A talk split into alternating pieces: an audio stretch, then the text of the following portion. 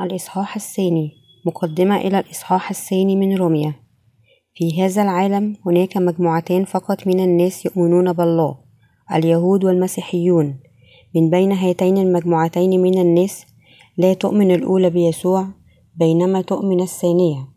يعتبر الله عقائد أولئك الذين لا يؤمنون بيسوع عديمة الفائدة. ومع ذلك فإن أخطر مشكلة يواجهها المسيحيون هي أنهم يؤمنون بيسوع بطريقة ما ولكنهم لم تغفر لهم خطاياهم بعد.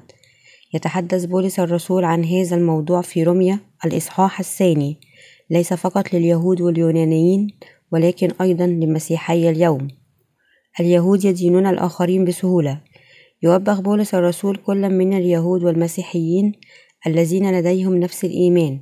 في روميا الإصحاح الثاني الآية الأولى يقول بولس أيها الإنسان كل من يدين يوبخ المخمورين بحس التفوق في كونهم يهوديين أو مسيحيين حتى أولئك الذين لم يولدوا ثانيا بعد الإيمان بالله يعرفون ما هو الخطأ في ناموس ضميرهم في قلوبهم هذا هو السبب في أنهم يقولون للآخرين ألا يسرقوا ومع ذلك فإنهم يرتكبون الزنا بأنفسهم ولا يحفظون كلام الرب ومع ذلك يوجهون الآخرين بوصايا الله بينما يعلنون أنهم مؤمنون بالله. هؤلاء هم الناس من بين اليهود والمسيحيين الذين لم يولدوا ثانيا. أولئك الذين يؤمنون بالله يقولون للآخرين ألا يعبدوا الأصنام أو يرتكبوا جرائم قتل متفاخرين بأنهم يحفظون ناموس الله لذلك فإنهم يهينون الله بخرق قوانينه. الأشخاص الذين لا يعرفون بر الله ولكن يؤمنون بيسوع يقولون أيضا أن يسوع هو مخلصهم لكن إيمانهم لا يقوم على بر الله.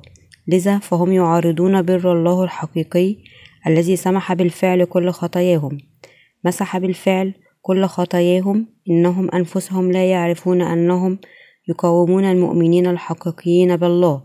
يمكننا أن نرى أن الكثير من الناس يدعون أنفسهم مسيحيين ولكنهم يرفضون الإنجيل الذي يحتوي على بر الله. دون معرفة محبة يسوع أو الختان الروحي.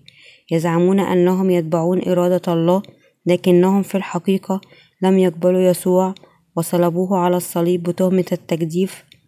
أن يسوع قال عن نفسه إنه ابن الله. قال بولس الرسول أن اليهودي الخارج ليس يهوديا لكن اليهودي الداخلي هو يهودي حقيقي. يزعمون أنهم شعب الله وأنهم جزء من أمة الله ولكن كيف يمكن لليهود أن يؤمنون بالله وهم قد رفضوا يسوع كمخلص لهم؟ يقول بولس الرسول وختان قلب بالروح لا بالكتاب رمي الإصحاح الثاني الآية التاسعة والعشرون. أولئك الذين يؤمنون بالختان الروحي هم المؤمنون الحقيقيون بالله إنهم أبرار بالإيمان. ممن يجب أن ينال المؤمنون بالله التقدير والتسبيح. يجب أن يحصلوا عليه من الله؟ قال بولس الذي مدحه ليس من الله من الناس بل من الله. رمي الإصحاح الثاني الآية التاسعة والعشرون. إذا آمنا ببر الله فإننا ننال مدحه ونحصل على مكافأة منه. إذا كنت تؤمن بيسوع ظاهريا ولكنك تحمل الخطية في قلبك فأنت لا تؤمن ببر الله في الواقع. إنك تسخر منه فقط. لذلك ستنال دينونة غير مؤمن. من هم الذين يتجاهلون حق الله. إنهم الأشخاص الذين يتبعون الكلمات البشرية بجدية أكبر من كلمة الله.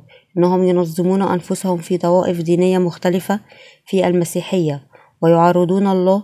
إنهم يرفضون ويقفون ضد بر خلاص الله بقوتهم الموحدة. هل يمكنك تخمين أنواع العقوبات التي ستنزل على هؤلاء الأشخاص؟ العقاب لأولئك الذين يعارضون الله. الآيات الثامن والتاسع تقول وأما الذين هم من أهل التحزب ولا يطوعون للحق بل يطوعون للإثم فسخط وغضب. شدة وضيق. على كل نفس إنسان يفعل الشر. اليهودي أولا ثم اليوناني الشدة والضيق سيحلان على نفوس البشر الذين يفعلون الشر. هنا تعبير الضيق هو العقوبة التي يجب أن تؤخذ في الجحيم. لأولئك الذين يرتكبون الشر هناك ضيق وألم في جهنم. أي نوع من اللعنات يتلقاها أولئك الذين يرفضون الله. إن الله ينزل دينونة مخيفة على أولئك الذين يرفضون حبه. كيف يتوقع من الذين عارضوا محبة الله التي تأتي من الختان الروحي أن يعيشوا بسلام في الجسد والعقل؟ سيعيش البعض حياة مدمرة الآن وبعد الموت. لأنهم يستحقون غضب الله. لقد عارضوا بر الله ولكنهم أن يرضوا حقا في قلوبهم. إنهم لا يعرفون المحبة التي تأتي من الختان الروحي حتى عندما يذهبون إلى الكنيسة معترفين بأنهم يؤمنون بيسوع فإنهم ما زالوا يعانون من عدم مغفرة الخطايا. ومغفرة خطاياهم. لا يمكنك معرفة هذا السر لمجرد أنك تؤمن بيسوع. فقط أولئك الذين يؤمنون ببر الله يعرفون ذلك. فتعلموا أيها المؤمنون خطأ. بالله أنكم يجب أن تفهموا وتؤمنوا بإنجيل الماء والروح الذي هو بر الله. عندها ستتمكنون من تحرير أنفسكم من لعنة المعاناة. إذا قال رجل أن في قلبه خطية حتى عندما يؤمن بيسوع فهذا يعني أنه يؤمن بطريقة خاطئة وعليه أن يؤمن بالإنجيل الحقيقي الذي يمنح بر الله. بغض النظر عن الطائفة التي يؤمن بها الناموس بيسوع التي يؤمن بها الناس بيسوع إذ ادعوا أنهم يؤمنون به بطريقة ما لكنهم يحملون الخطية في قلوبهم فهم يرتكبون خطية تجاهل بر الله. ما هي النتيجة الصحيحة للإيمان بالله؟ إذا كنت تؤمن بيسوع كمخلصك في الحق فستكون بلا خطية بالتأكيد. لكن إذا كانت لديك خطية في قلبك حتى بعد الإيمان بيسوع فهذا يعني أنك لم تفهم بر الله تماما. الرب الذي خلص كل الخطاة من خطاياهم قد أتى بالفعل في الجسد وخلص الخطاة وصار مخلصا لجميع المؤمنين إذا هل يمكن للشخص الذي يؤمن حقا بالماء والروح القدس أن يكون لديه خطية؟ يجب ألا يكون لديه الشخص خطية إذا كان يؤمن حقا ببر الله منذ اللحظة الأولى التي يؤمن فيها بيسوع ولكن لأنه يتجاهل بر الله بينما يؤمن بيسوع بطريقة ما لذلك قلبه يصبح فيه خطية. لذلك عليك أن تتخلى عن عنادك الآن. لقد أمنت بيسوع بشكل خاطئ فكيف يجب أن أعرف يسوع وأؤمن به؟ لقد فهمت أن الصليب مهم في الإيمان بيسوع لكن معموديته ضرورية جدا أيضا. الآن أدركت أن يسوع قد صلب على الصليب وتلقى الدينونة بالنيابة عن لأنه أخذ كل خطايا العالم. من خلال المعمودية عليك أن تدرك هذه الحقائق وأن تصدقها. أولئك الذين يظلون عنيدون ضد الرب سينالون دينونة الله وفقا لذلك والنتيجة أن تلقى في نيران الجحيم. لذلك يقول متى الإصحاح السابع الآية الثانية والعشرون كثيرون سيقولون لي في ذلك اليوم يا رب يا رب أليس باسمك تنبأنا؟ وباسمك أخرجنا شياطين وباسمك صنعنا قوات كثيرة. عندما يأتي الرب مرة أخرى فإن أولئك الذين لا يؤمنون ببر الله ولديهم خطايا في قلوبهم بينما يتظاهرون ظاهريا بأنهم يؤمنون بيسوع سيدينون أمام الله فيقولون للرب ألم أؤمن بك جيدا؟ أما أخرجت الشياطين باسمك وتكلمت بألسنة؟ ألم أخدمك يا رب؟ ومع ذلك سيقول الرب ابتعدوا عني يا فاعل الاسم وهذا يشير إلى أولئك الذين لا يؤمنون ببر الله. كيف يمكنك أن تقول أنك تؤمن بي؟ بينما لا تؤمن بأني محيت كل خطاياك من خلال قبول المعمودية والموت على الصليب. أيها الكاذب ستدخل النار الأبدية. خطيتك خطية نبي كذاب وقد أدت بالعديد من الناس إلى الجحيم. أولئك الذين لا يؤمنون ببره ولا يتخلون عن عنادهم سينالون غضب الله المخيف. أكبر مثال على هذا النوع من الإيمان هو اليهود وهم لا يزالون عنيدين أمام الله حتى يومنا هذا. لا يؤمنون ببر الله بيسوع المسيح.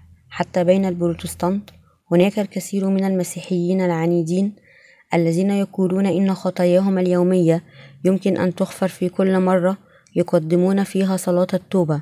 يجب أن يتخلى هؤلاء الناس عن عنادهم في عدم الإيمان ببر الله لتجنب سخطه. هل يغفر يسوع لهؤلاء على جرائمهم الذاتية. كلما تابوا وصلوا من أجل مغفرته كل يوم؟ لا.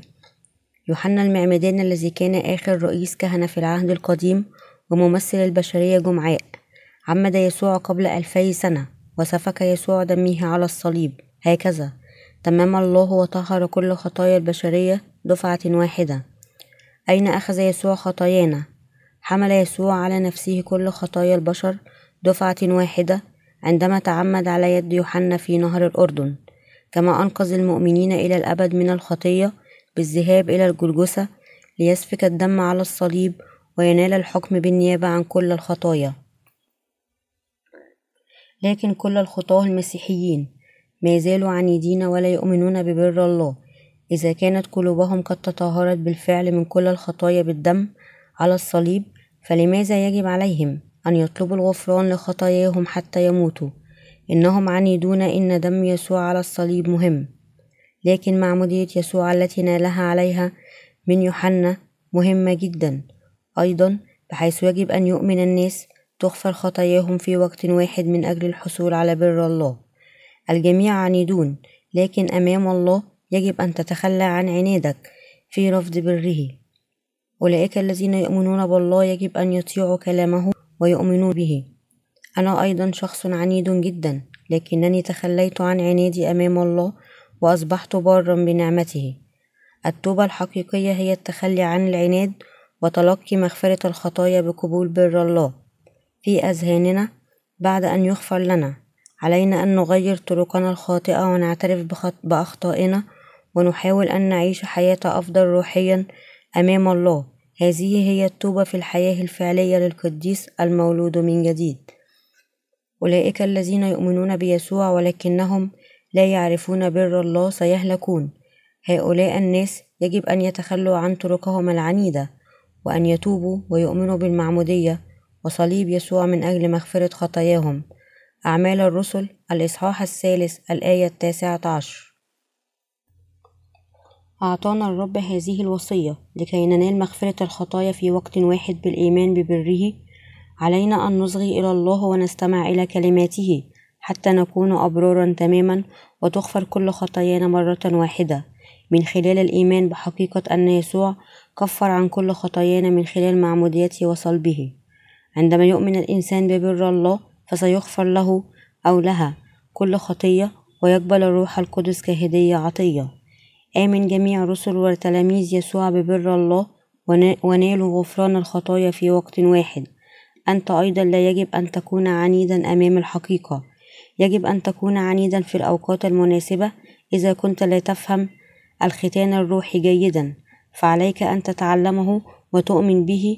لن يكون من المفيد لك أن تظل عنيدا. عليك أن تتوب وتؤمن. يرفض الناس الحق ويسخرون منه دون معرفة حقيقة الختان الروحي. هذا خاطئ. كيف يمكن للإنسان أن يتبرر وهو يرتكب الخطايا كل يوم؟ كما تعلم يدعو الله المؤمنين بيسوع أبرارا رغم أنهم ما زالوا خطاة. إنها عقيدة التبرير. أنك لا تدعي بارا لأنه ليس لديك أي خطية في قلبك حقا. ومع ذلك يجب أن تعلم أن هذا تعليم خاطئ للغاية. قال الله في الكتاب المقدس أنه من خلال إنجيل الختان الروحي الذي يعطينا مغفرة الخطايا. لقد محيت كل خطاياكم أنتم بلا خطية الآن. لأنني قد أخذت كل خطاياكم فأنتم أبرار. هل تؤمن ببري؟ إذا كنت تؤمن بكلمات الختان الروحي فأنت من شعبي وأنت بلا خطية يتحدث الله عن خلاصه الكامل. لكن المسيحيين بالاسم يشوهون ويسخرون من المسيحيين المولودين من جديد الذين يؤمنون بالختان الروحي. يقولون كيف يصير الإنسان برا وهو يرتكب الخطايا بلا انقطاع؟ لا يمكنك تسمية أي شخص بأنه بلا خطية إلا من خلال عقيدة التبرير. كيف يمكننا أن نفكر في الإنسان على أنه حقا بلا خطية؟ لا يسع الإنسان إلا أن يخطئ كل يوم. إنهم يفترون ويشوهون سمعة مولودين من جديد. بهذا الشكل ويذلون عنيدون لأنهم لا يؤمنون ببر الله. لكن الله يعطي حياة أبدية لأولئك الذين يصبرون على عمل الخير. أولئك الذين يسعون إلى المجد والشرف والحياة الأبدية من خلال الاستمرار الصبور. في عمل الخير سيصبحون أبناء الله ولكن أولئك الذين لا يفعلون ذلك سيعاقبون. الكل يريد أن يصيروا أبناء الله ويعيشوا الحياة الأبدية. يعطي يسوع حياة أبدية لأولئك الذين يريدون بجدية أن يعيشوا إلى الأبد وأن تكون لهم حياة بلا خطية. ما أريد حقا يا رب هو الإيمان بمغفرة الخطية من خلال الختان الروحي. حتى أعيش حياة بدون أي خزي في ضميري. أريد أن أصبح ابنك. أريد أن أؤمن بصلاحك وأن أجعلك سعيدا. أريد أن أصبح بلا خطية. أرجو أن تخلصني من كل خطاياي. بالنسبة للذين يسعون إلى خلاص الله البار ويريدون أن يغفر الله لكل خطاياهم فإن الله يستمع إلى كل رغباتهم ويغفر كل خطاياهم بإعطائهم. إنجيل بر الله. لمن يريد أن يعيش إلى الأبد يعطي الله الحياة الأبدية. ما هو الختان الروحي؟ إنه يعني مغفرة الخطايا التي تحققت من خلال معمودية يسوع ودمه على الصليب. دم الحمل هو الدينونة بالنيابة ومعمودية يسوع من يوحنا. تعني أن خطايا العالم قد تم نقلها إلى يسوع حتى اليوم. لا يمكن للمسيحية أن تتجاهل العهد القديم لأنها حينئذ لن تستطيع الإيمان بالعهد الجديد. نجد في الكتاب المقدس أن الختان الروحي ودم الحمل في طقوس الفصح مرتبطان ارتباطا وثيقا. في يوحنا الأولى الإصحاح الخامس الآية السادسة يقول الكتاب أن يسوع جاء لا بالماء فقط بل بالماء والدم. لم يأتي يسوع عن طريق الماء أو الدم فقط بل أتى بهما كليهما. عليك أن تؤمن بالختان الروحي الذي يحتويه كلام الماء والدم والروح لكي تخلص من خطاياك. عند قراءة خروج الثاني عشر كان لدي بعض الأسئلة حول الختان الروحي. ماذا يعني سفر الخروج الإصحاح الثاني عشر؟ نظرت بعناية في الإصحاح بأكمله وجميع المقاطع ذات الصلة في الكتاب المقدس مرارا وتكرارا وأدركت أن الإسرائيليين كانوا قادرين على المشاركة في عيد الفصح لأنهم تلقوا الختان وفي العهد الجديد ورد أن يسوع لم يسفك دما على الصليب بحسب بل سفك الدماء لأنه اعتمد على يد يوحنا. قال الله للإسرائيليين المكرسين لعيد الفصح الناموسي تلقى الختان أولا ثم كل لحم خروف الفصح كان هذا الختان الروحي للعهد القادم في العهد الجديد أن خطايانا انتقلت إلى يسوع بمعمودية يوحنا وأنه سفك الدم على الصليب. ووجدت أن قبول هذه الحقائق أدى إلى حقيقة قبول الختان الروحي. يسوع المسيح تعمد على يد يوحنا في نهر الأردن. هذه هي الطريقة التي حمل بها خطايا العالم. ولهذا كان عليه أن يموت على الصليب لينال الدينونة في مكاننا. يمكنك أن تختبر الخلاص من كل الخطايا والخطايا بقبول هذه الحقيقة في قلبك لكي ينال الشخص الخلاص من كل خطية. عليه أن يؤمن ببر الله الذي يمكن أن يعطينا الختان الروحي. يحتاج الناس إلى إدراك هذه الحقيقة. أيها القراء يجب أن تدركوا حقيقة أن الختان الروحي في العهد القديم ومعمودية يسوع في العهد الجديد. وجهان لعملة واحدة. عندما يتعلق الأمر بمغفرة الخطايا لم ينل يسوع الدينونة لأنه أخطأ لكنه مات على الصليب من أجل البشرية لأنه اعتمد وحمل خطايا العالم بجسده. هذا هو إيمان الذين قبلوا الختان الروحي. أولئك الذين يؤمنون ببر الله من خلال الختان الروحي ليس لديهم خطية لأنهم يؤمنون بيسوع حقا. إني أشفق على أولئك الذين يؤمنون بيسوع بطريقة ما لكنهم لم يتلقوا الختان الروحي من الله عليهم أن يؤمنوا بحقيقة أن يسوع أخذ كل خطايا العالم عندما عمده يوحنا. لسوء الحظ يؤمن معظم المسيحيين بالصليب فقط وليس بمعمودية يسوع. وبالتالي ليس لديهم إيمان ببر الله. علينا أن نعلم أننا يجب أن نصدق ما قاله الله لنا في الكتاب المقدس. علينا أن نهدم كل مذاهب وتعاليم اللاهوتيين وأن نؤمن فقط بكلام الله الذي سيقودنا إلى بره. هذا لأن الكلمات بدون بره ليست كلمات الله حقا. إن البشارة بدون الختان الروحي ليست كاملة. لهذا السبب تحدث الله كثيرا في الكتاب المقدس عن الختان في العهد القديم ومعمودية يسوع في العهد الجديد. بمعنى آخر يتحدث عن الختان ودم حمل الفصح في العهد القديم بالتوازي مع معمودية يسوع ودمه في العهد الجديد. علينا أن نؤمن بهذه الحقيقة لننال الختان الروحي. ولكن إذا كنا لا نؤمن بهذه الحقيقة فسنصبح خارج ملكوت الله. هل يتم بر الله فقط بدمه على الصليب؟ لا. اكتمل بر الله بمعمودية يسوع ودمه على الصليب.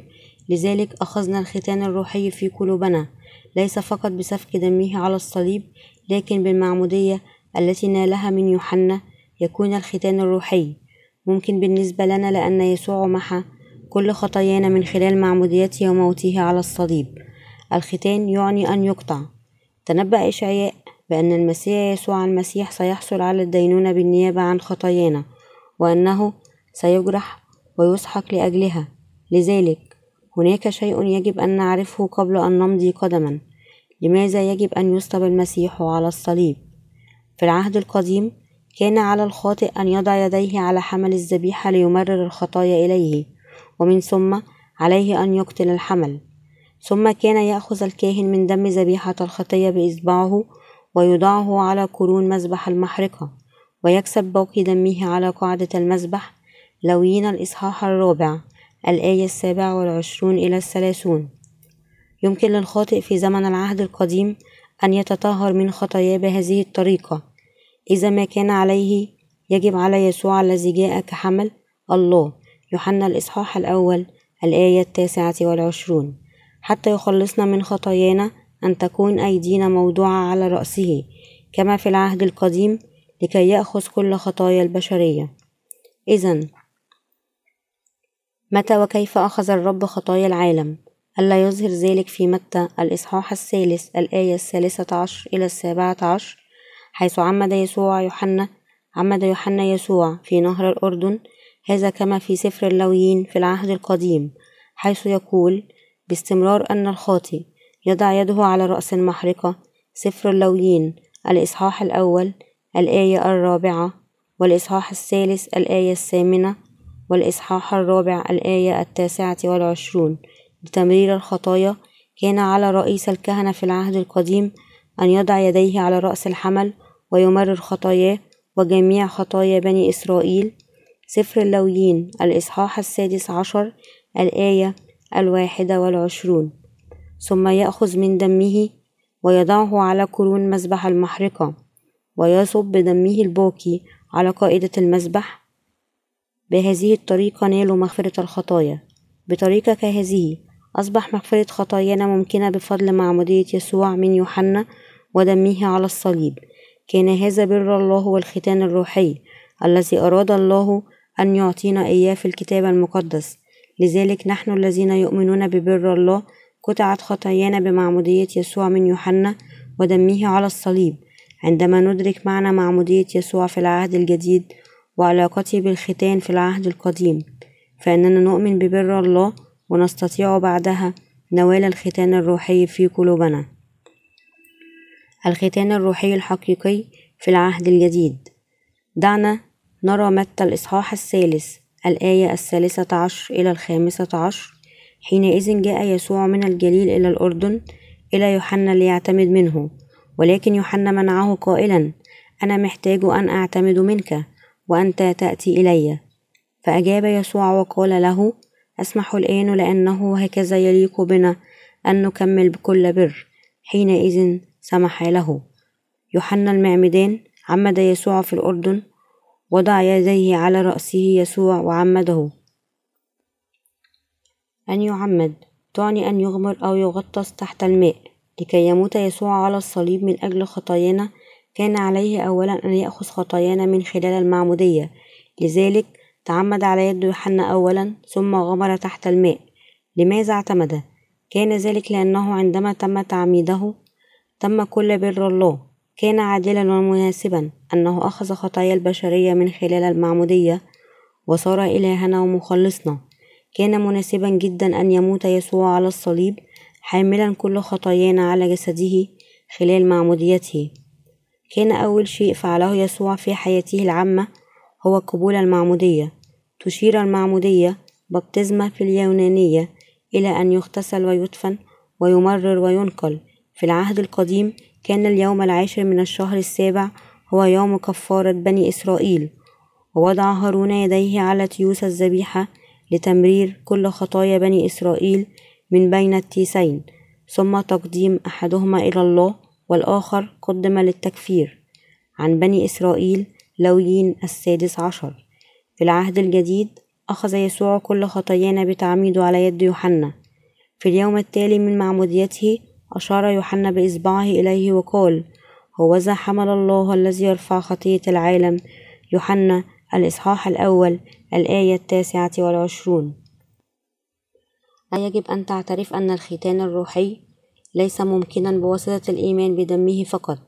دعنا نرى بادئين من يوحنا الأولى الإصحاح الخامس الآية الرابعة لأن كل من ولد من الله يغلب العالم وهذه هي الغلبة التي تغلب العالم إيماننا. من هو الذي يغلب العالم إلا الذي يؤمن أن يسوع هو ابن الله؟ هذا هو الذي أتى بماء ودم. يسوع المسيح لا بالماء فقط بل بالماء والدم. الروح هو الذي يشهد لأن الروح هو الحق. فإن الذين يشهدون في السماء هم ثلاثة الآب والكلمة والروح القدس. وهؤلاء الثلاثة هم واحد.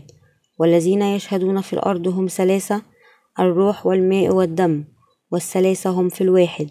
وإن كنا نقبل شهادة الناس فشهادة الله أعظم لأن هذه هي شهادة الله التي قد شهد بها عن ابنه. من يؤمن بابن الله فعنده الشهادة في نفسه. من لا يصدق الله فقد جعله كاذبا.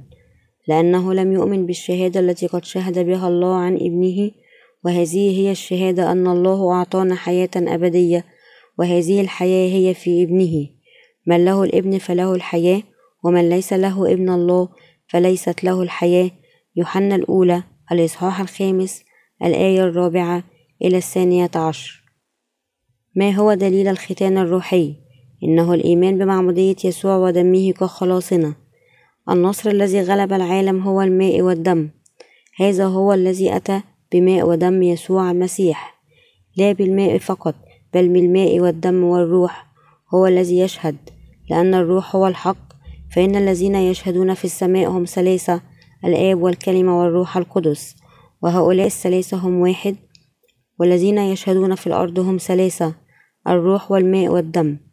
هؤلاء الشهود يظهرون أن الله هو إلهنا ومخلصنا يشهدون أن الله جاء إلى الأرض بالجسد البشري وأخذ كل خطايانا في جسده من خلال معموديته وسفك الدم على الصليب نيابة عنا. وبالتالي خلصنا من كل خطايانا. في العهد الجديد يتكون إنجيل الختان الروحي من الماء والدم. في العهد الجديد الماء هو المعمودية التي حصل عليها يسوع من يوحنا. والدم يعني موته على الصليب. معمودية يسوع هي نظير الختان في العهد القديم. معمودية يسوع من يوحنا دليل على أن خطايانا قد انتقلت إليه. أولئك الذين يؤمنون بالحق سيتمكنون من الوقوف أمام الله وأن يقولوا يا الله أنت مخلصي أنا أؤمن ببرك. لذلك ليس لدي خطية. أنا ابنك الذي بلا عيب وأنت إلهي ما هو الأساس في الكتاب المقدس الذي يسمح لك بالصراخ بهذه الطريقة بثقة؟ إن الإيمان بمعمودية يسوع ودمه على الصليب هما اللذان يشكلان بر الله. إن قبول بر الله على أنه لي لا يمكن أن يكون ممكنا إلا بدم المسيح. معموديته ودمه معا يصنعان هذا. دعونا نلقي نظرة على المقطع الذي يتحدث عن ضرورة معمودية يسوع في خلاصنا. بطرس الأولى الإصحاح الثالث الآية الحادية الواحدة والعشرون. هي برهان هذه الحقيقة الذي مثاله يخلصنا نحن الآن أي المعمودية. لا إزالة وسخ الجسد بل سؤال ضمير صالح عن الله بقيامة يسوع المسيح. يتحدث الرسول بطرس الآن عن الدليل الذي لا شك فيه لخلاصنا. معمودية يسوع هي الختان في العهد القديم هل تفهم كما قطع الإسرائيليون غلهم بالختان؟ في العهد القديم في العهد الجديد اعتمد يسوع على يد يوحنا وأخذ كل خطايا العالم. مما ممكنا من قبول الختان؟ الروحي شكلت المعمودية والدم على الصليب بر الله. الختان الروحي والمعمودية يعنيان نفس الشيء. عليك أن تفهم أن معمودية يسوع تعني الختان الروحي لنا جميعا. الذي مثاله يخلصنا نحن الآن أي المعمودية. كيف نقبل بر الله؟ من خلال الإيمان بأن يسوع قد تعمد ومات على الصليب. من أجل خطايانا متى الإصحاح الثالث الآية الخامسة عشر؟ يقول لأنه هكذا يليق بنا أن نكمل كل بر. لأن كل خطايا البشر قد انتقلت إلى رأس يسوع تم محو خطايا الخطاة تماما.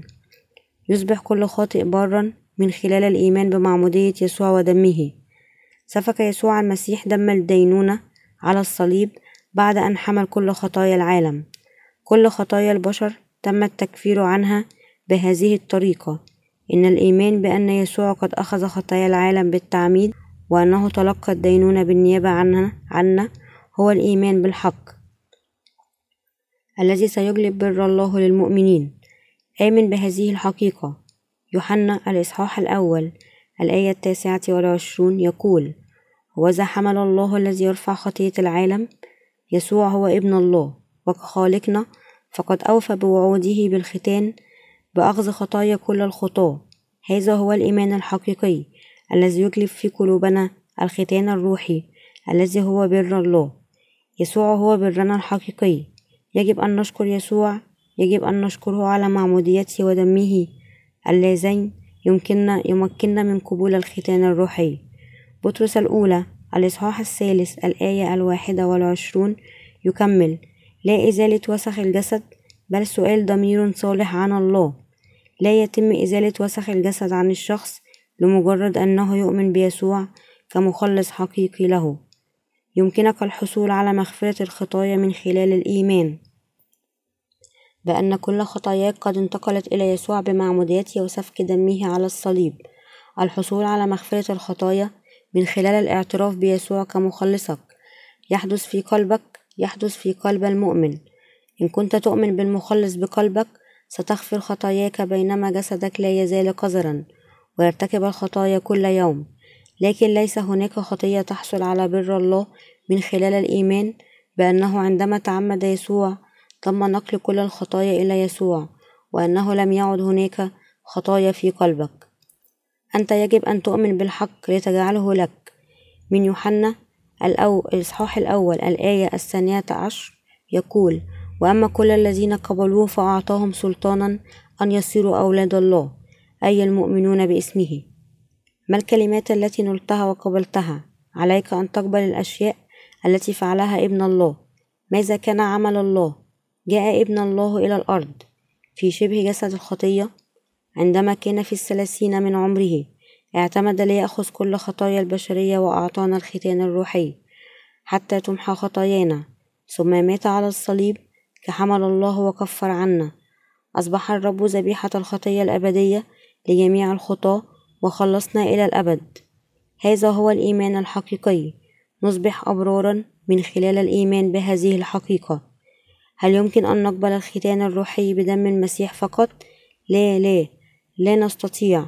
لقد قطعت معمودية يسوع خطايانا منا. وكانت الدينونة التي تلقاها على الصليب بسفك الدماء من أجل الخطاة هي الدينونة بالنيابة عني وعنكم. لقد خلصنا من خطية عفينا من الدينونة. لأننا نؤمن بإنجيل بر الله أي إنجيل معمودية يسوع ودمه على الصليب. قبول يسوع كمخلص يمكن أن يمحو كل الخطايا. في قلب الخاطئ اقبلوا الختان الروحي في قلوبكم. عندئذ يصبح بر الله لك. الختان الروحي الحقيقي يجب أن يحدث في القلب. في إصحاح الثاني من روميا بولس الرسول يقول وختان القلب كيف تختن نفسك في قلبك؟ هذا ممكن من خلال الإيمان بأن يسوع المسيح جاء إلى الأرض بالجسد البشري وأنه قد تعمد ليأخذ كل خطايا العالم وأنه مات سافكا الدم على الصليب وأنه قام مرة أخرى ليكون مخلصنا الأبدي. قال بولس الرسول أن الختان يجب أن يتم في القلب ويمكنك أن تختتن في قلبك بالإيمان بمعمودية يسوع. إذا كنت تريد أن تقبل الختان الروحي في قلبك فآمن بمعمودية يسوع. بعد ذلك ستصبح حقا أحد أبناء الله. البار هو الشخص الذي يؤمن بأن معمودية يسوع ودمه خلصاه من كل خطاياه آمين. حتى بلغ من العمر التاسعة والعشرون عاما عاش يسوع حياة خاصة معيلا لعائلته ولكن عندما أصبح عمره ثلاثون عاما بدأ يعيش حياته العامة. خلال حياته العامة مسح كل خطايا البشرية وخلص كل الخطاة من خطاياهم. كان أول شيء يفعله هو قبول المعمودية ليخلص الخطاة من خطاياهم ويجعلهم أبرار. حينئذ جاء يسوع من الجليل إلى الأردن إلى يوحنا ليعتمد منه متى الإصحاح الثالث الآية الثالثة عشر. لماذا حاول يسوع أن يعتمد؟ علينا أن نعرف أنه فعل هذا لكي يأخذ كل خطايا الخطاة يجب ألا نسيء فهم المعنى الحقيقي لمعموديته. المعمودية هي غسل الخطايا بنقلها. هذا هو السبب في أن يسوع لكي يأخذ الخطايا خطايا الخطاة طلب من يوحنا أن يعمده. من هو هذا يوحنا الذي عمد يسوع؟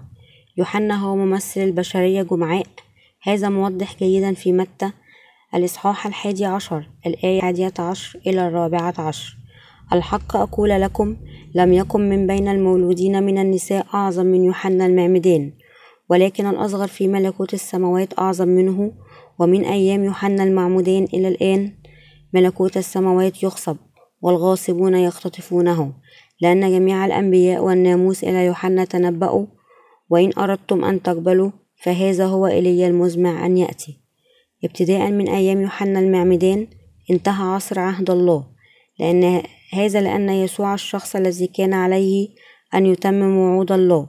قد جاء إذن من هم الأشخاص الذين يتممون وعود العهد القديم. كان يسوع ويوحنا المعمدان نقل يوحنا المعمدان الخطايا إلى يسوع. كان يوحنا المعمدان آخر نبي في العهد القديم. أرسل ليمرر كل الخطايا إلى حمل الله الذي جاء في العهد الجديد.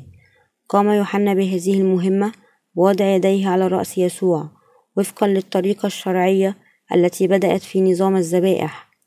تم قطع كل خطايا العالم ونقلها إلى يسوع. عندما تعمد لذلك أعطى الله الختان الروحي في كل قلوب البشر. تمسك بسرعة بمعمودية يسوع ودمه. كفارة لك. لقد أخذ يسوع بالفعل كل خطايا العالم وحمل أيضا كل الدينونة. إن إنجيل بر الله هو حقيقة أن يسوع تعمد وسفك الدم للتكفير عن كل خطايانا.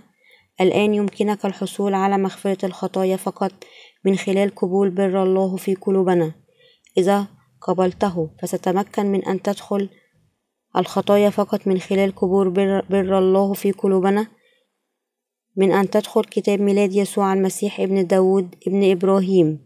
هناك أناسا يعرفون بالفعل بر الله وأولئك ممن لا يعرفون ولا يزالون خارج يسوع المسيح. ستغرب الشمس. آمن بمعمودية يسوع وأدخل فيه. سيصبح إيمانك بالمعمودية زيتك المعد لحفل العرس. امل أن تعرف السر حتى تتمكن من تحضير الزيت للمصباح. للقاء ربنا القادم مرة أخرى. يسوع فقط من خلال الإيمان بمعمودية يسوع ودمه على الصليب. نال يسوع المعمودية ليمحو خطايا الجميع. يسوع هو ابن الله. والله نفسه هو خالقنا. لقد جاء إلى الأرض بمشيئة أبيه لكي يتبنانا كأولاد الله. عمن تتحدث كل نبوات العهد القديم. يتنبؤون عن يسوع كانت هناك نبوات عن الكيفية التي سيأتي بها إلى الأرض ويأخذ خطايانا ويمحوها. كما قالت النبوات في العهد القديم جاء يسوع إلى الأرض منذ حوالي ألفي سنة وأخذ كل خطايانا من خلال معموديته لقد حمل كل خطايا البشرية بدءا من آدم وحواء وصولا إلى آخر شخص. اقبلوا الختان الروحي في قلوبكم ختان القلب. رمية الإصحاح الثاني الآية التاسعة والعشرون. عندما تؤمن بمعمودية يسوع ستنال تلقائيا ختان القلب. ختان القلب يعني القضاء على الخطايا في قلوبنا. عندما نعترف بأن كل الخطايا قد انتقلت إلى يسوع بمعموديته هل تلقيت ختان القلب؟ من خلال الإيمان بالختان في القلب. ستتطهر كل الخطايا بالإيمان. هل تقبل حقا حقيقة الختان الروحي في قلبك؟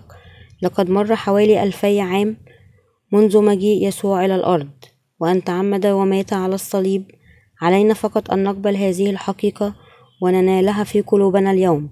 ختان القلب يمكننا أن نقبل الختان في أذهاننا وقلوبنا بالإيمان بالحق. لقد حصلنا جميعا على الخلاص من خلال الإيمان ببر الله. حتى لو جاءت دينونة الله على الأرض فلن نخاف. أولئك الذين يؤمنون ببر الله لا ينالون دينونة الله تقع دينونة الله على أولئك الذين لم يقبلوا بر الله في قلوبهم لماذا يؤمن المسيحيون اليوم بيسوع ويضلون؟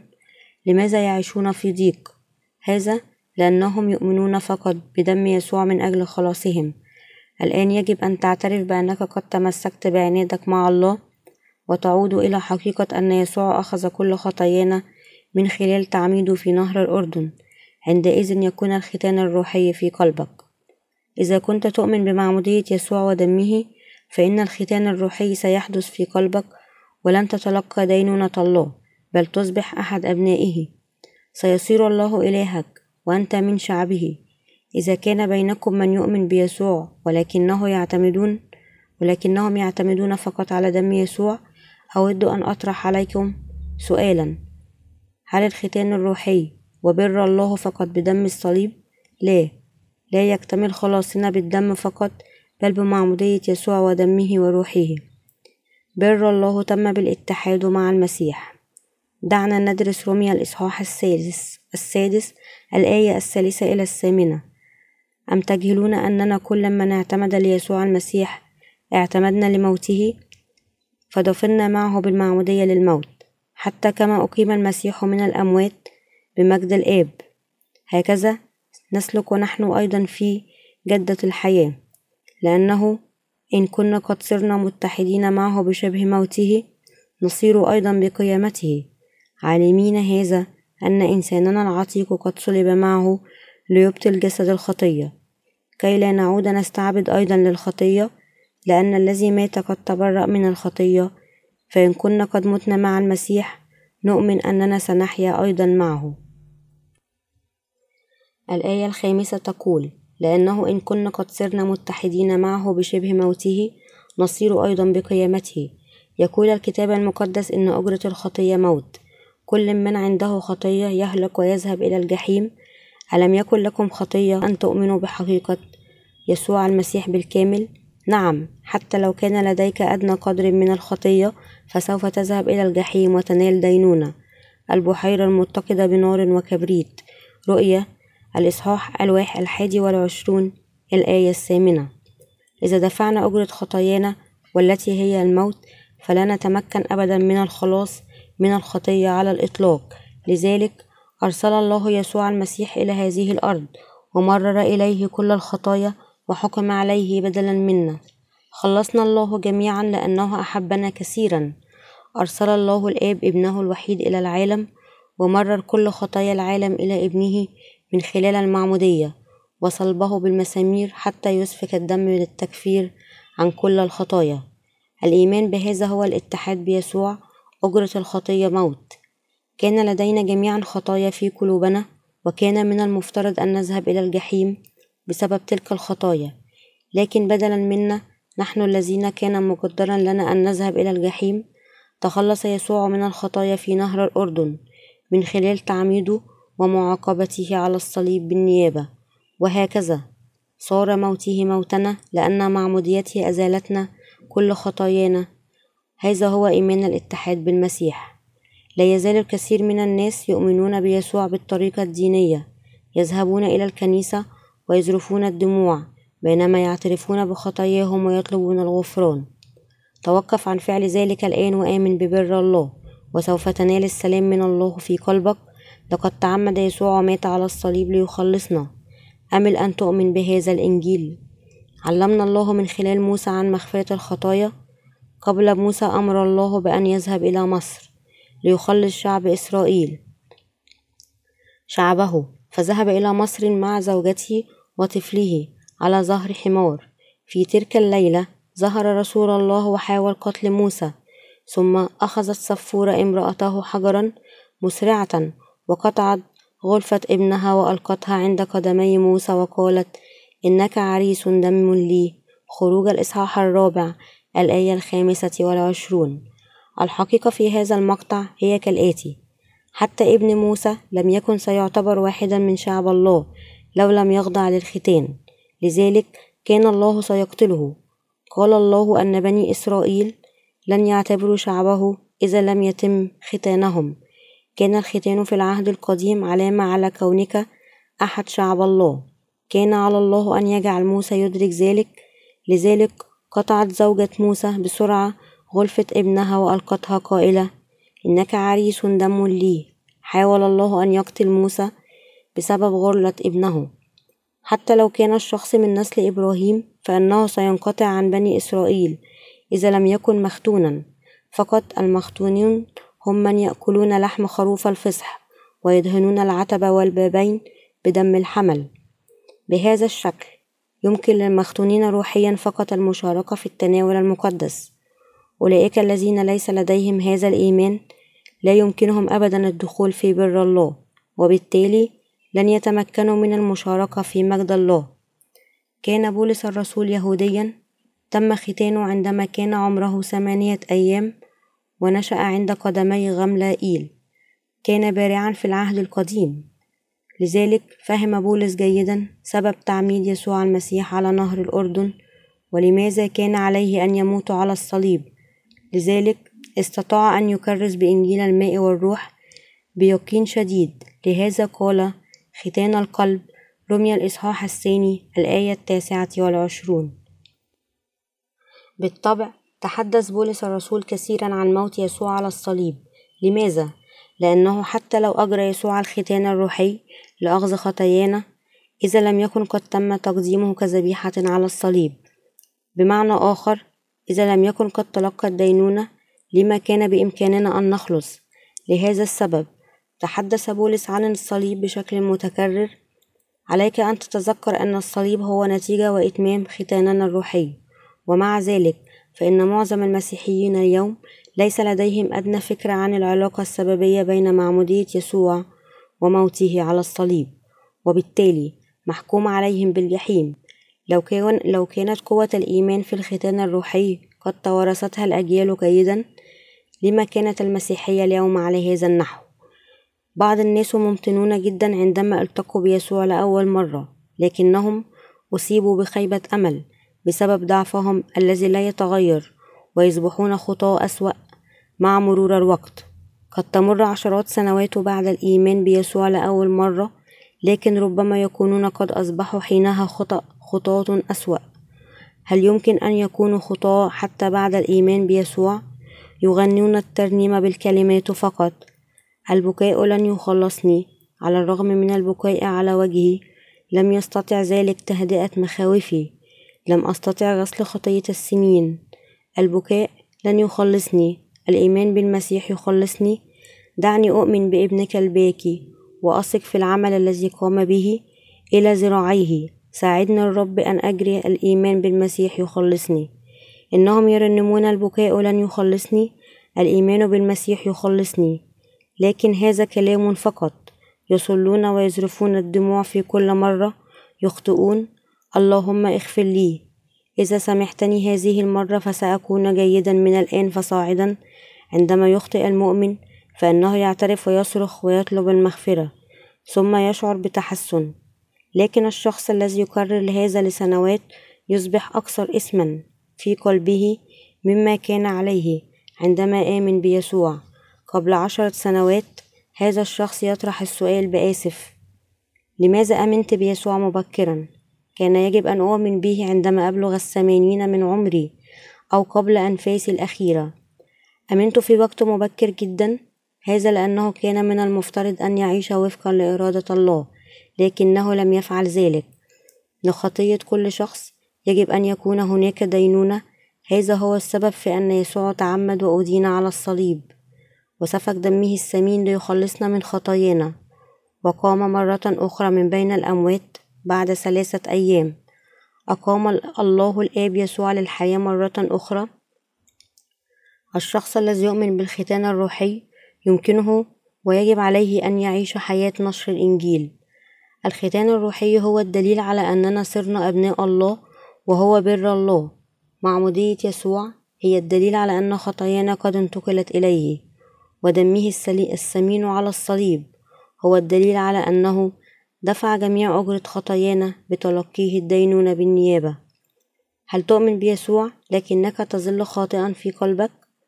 هذا هو الإيمان الهرطوقي في تيتوس الإصحاح الثالث الآية العاشرة يقول الرجل المبتدع بعد الإنذار مرة أو مرتين أعرض عنه عالما أن مثل هذا قد انحرف.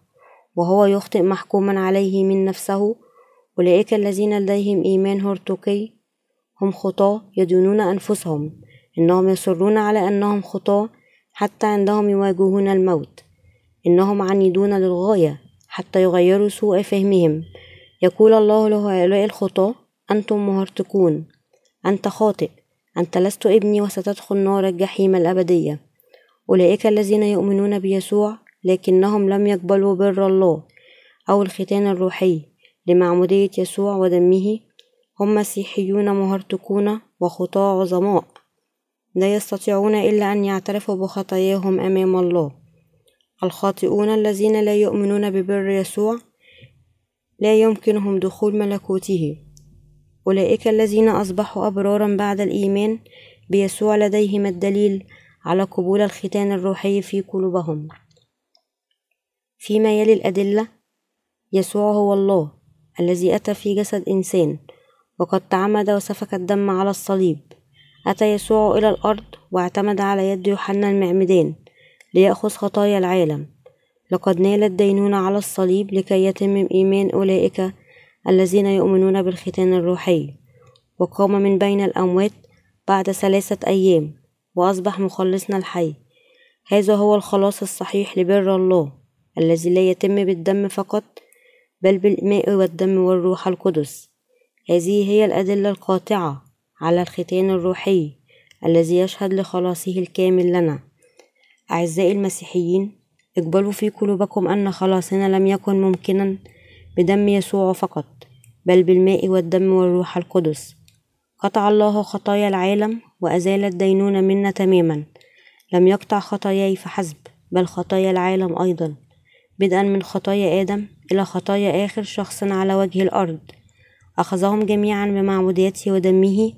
إن قبول الختان الروحي يخلص كل من يؤمن ببر الله الذي تم من قبل يسوع الذي أتى بالماء والدم. تم قطع كل خطايا العالم بمعمودية يسوع من يوحنا. الآن أولئك الذين يؤمنون بالختان الروحي. لا يمكن أن يكون لهم خطية في قلوبهم.